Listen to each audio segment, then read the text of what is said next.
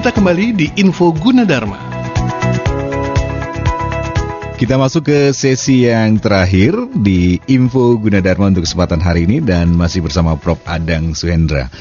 Prof, kita berbicara terakhir tentang Universitas Gunadarma secara global. Hmm. Nah, ini kan lagi pandemi. Kemarin saya dengar juga ada ada informasi wisuda daring, kemudian juga pembelajaran sistem daring, ada cloud meeting, ada macam-macam termasuk mungkin pendaftaran juga sekarang daring dong, Prof. Iya. Gimana prosesnya nih, Bro? Ya, uh, prosesnya hmm. adalah ya bagi mungkin uh, para pendengar yang hmm. Penasaran dengan guna dharma ya artinya kan hmm. sebelum beli kita cari-cari informasi ya. Tuh. ya. Kita ada hmm. uh, situs web tentang hmm. www.gunadarma.cid hmm. dan berbagai fakultas dan sebagainya itu bisa dicari di sana hmm. ataupun juga bisa mencari informasi melalui hotline kami ya di 1500158 ya. Hmm. Hmm. Hmm bisa menghubungi itu hotline.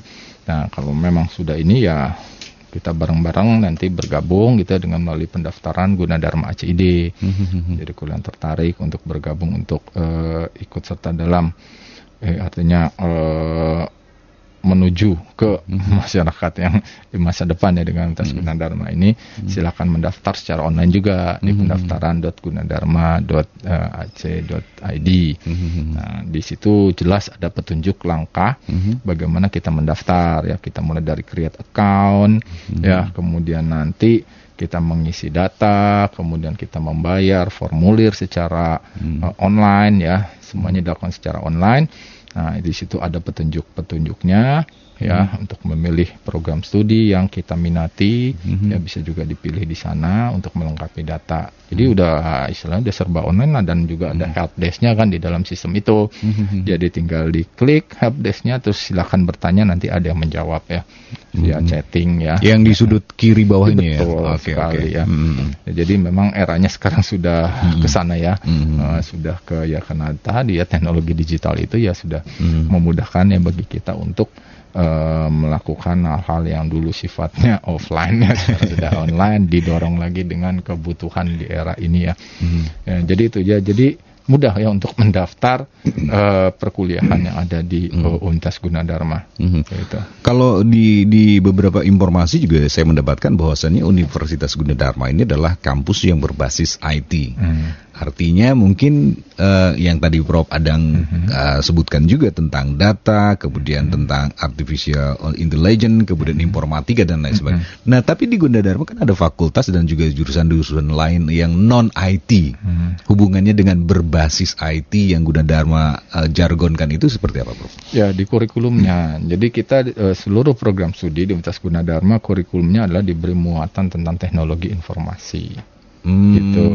Jadi artinya kita jelaskan ya meskipun dia di sastra, ya dia uh, harus mengetahui gimana hmm. proses sebuah ataupun uh, mekanisme kerja teknologi informasi hmm. dari mulai pemrogramannya, perangkat, teknologinya dan sebagainya. Walaupun jurusan non IT ya. Sastra ya, okay, apalagi okay. zaman sekarang ya. Hmm. Ya nggak mungkin lah.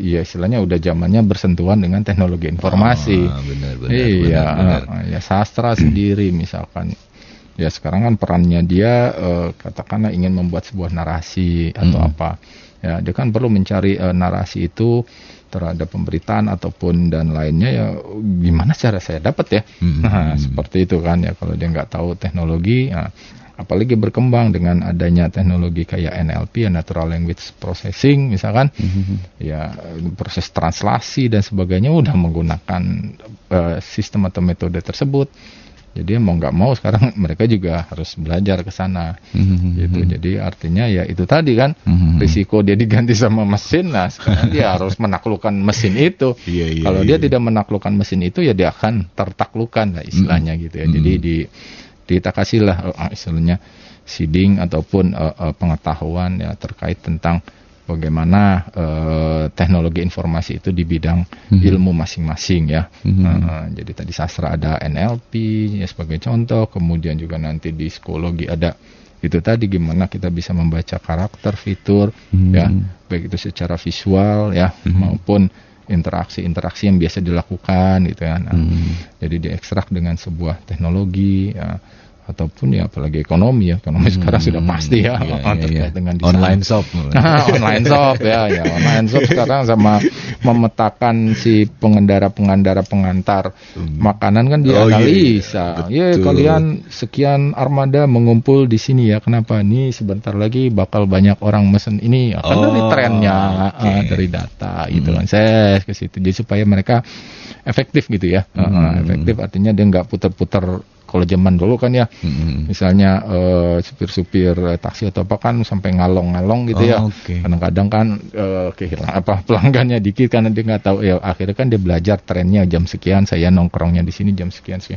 Terus sekarang udah dibantu dengan aplikasi kan dengan data kan. Hmm. Ini sebentar lagi orang akan banyak menu dia mau jam makan malam nih ya. Dilihat trennya makan. Oh ini makanan nih kayak oh, orang banyak mesen di toko ini. Uh-huh. Des armadanya diarahkan sekian persen mungkin yang dekat situ hmm. diarahkan ke sana. Nah, jadi mobilisasinya itu sudah terpola gitu kan, hmm. sehingga bisa efektif. Itu contohnya ya buat hmm. efektif efisiensi.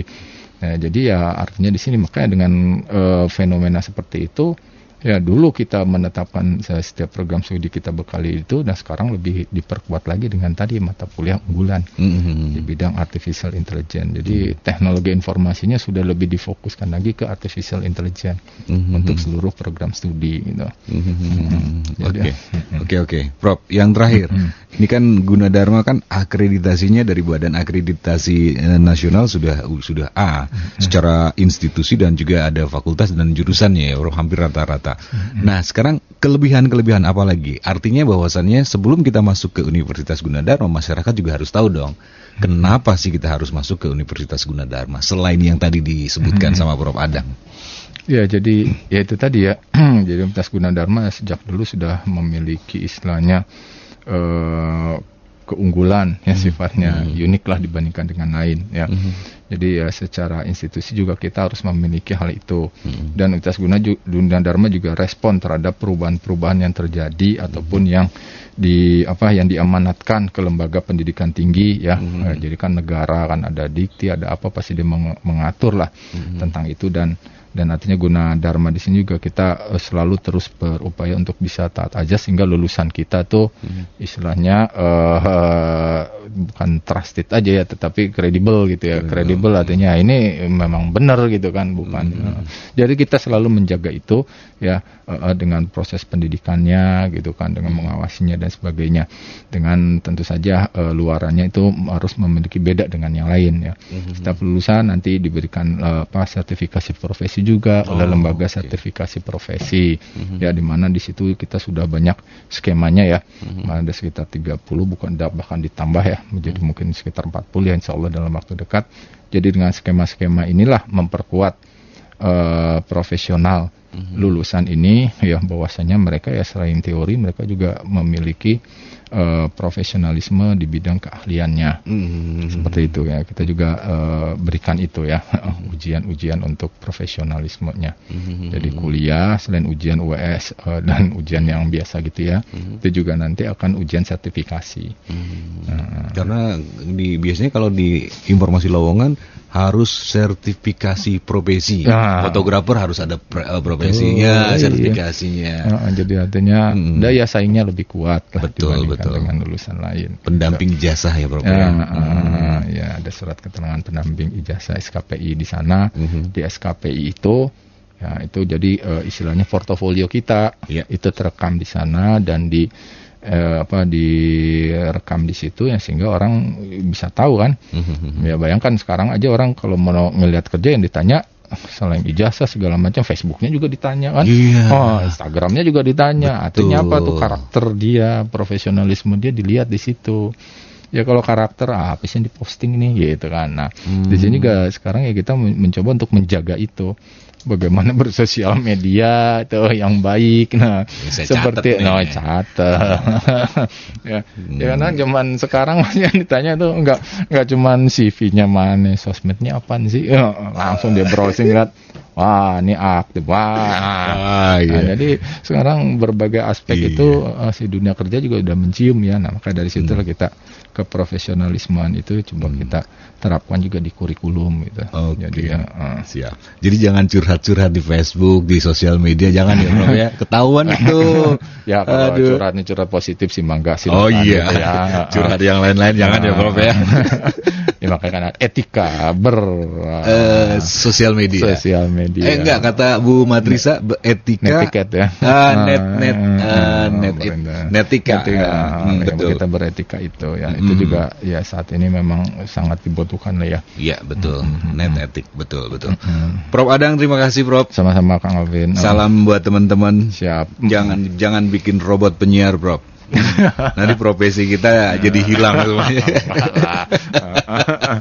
Prof Adang terima kasih ya Sama, sekali lagi. Iya. Dan terima kasih juga untuk teman-teman yang ada di tujuh kota tiga provinsi yang sudah uh, simak uh, program acaranya Info Yuji.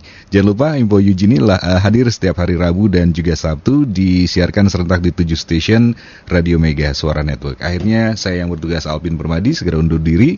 Terima kasih. Wassalamualaikum warahmatullahi wabarakatuh. Wow. Perbios. Baru saja kita simak info Gunadarma yang disiarkan langsung oleh Mega Suara Bogor, Mega Suara Serang, Mega Suara Sukabumi, Mega Suara Indramayu, Mega Suara Kuningan, Mega Suara Kulon Progo, dan Kota Perak, Yogyakarta. Dengarkan terus info Gunadarma di Mega Suara Network setiap hari Rabu dan Sabtu jam 9 pagi. Masa depan semakin penuh tantangan. Bekali masa depan Anda dengan ilmu pengetahuan yang dibutuhkan era globalisasi ini. Hanya Universitas Gunadarma yang mengerti akan hal itu. Simak perbincangan menarik seputar kampus Universitas Gunadarma di program Info Gunadarma Mega Suara Network. Info Gunadarma mengulas lebih banyak info pendidikan dan kesempatan meraih masa depan cemerlang. Info Gunadarma setiap Rabu dan Sabtu jam 9 pagi di 7 stasiun Mega Suara Network, Bogor, Sukabumi, Serang, Kuningan, Indramayu, Kulon Progo, dan Kota Perak, Yogyakarta. Universitas Gunadarma, Coloring the Global Future.